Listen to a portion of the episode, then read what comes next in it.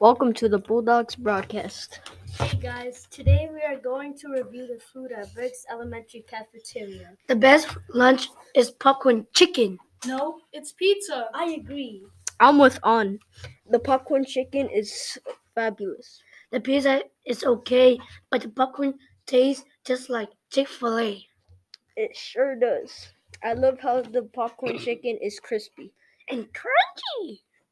and flavorful.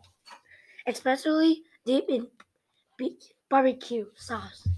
That doesn't sound bad, but pe- but the pizza tastes like Domino's, not the toy. And the pizza is cheesy and gooey. You can even get pepperoni pizza with piranha's cheese. So Oh, it sounds like both are good option. Whether it's pizza or popcorn chicken, we all have good choices at lunch. Don't forget your chocolate milk. And your apples and carrots. Next time you are buying lunch at the Briggs Elementary, consider trying the popcorn chicken or pizza. You won't regret it. Thank, you for listening.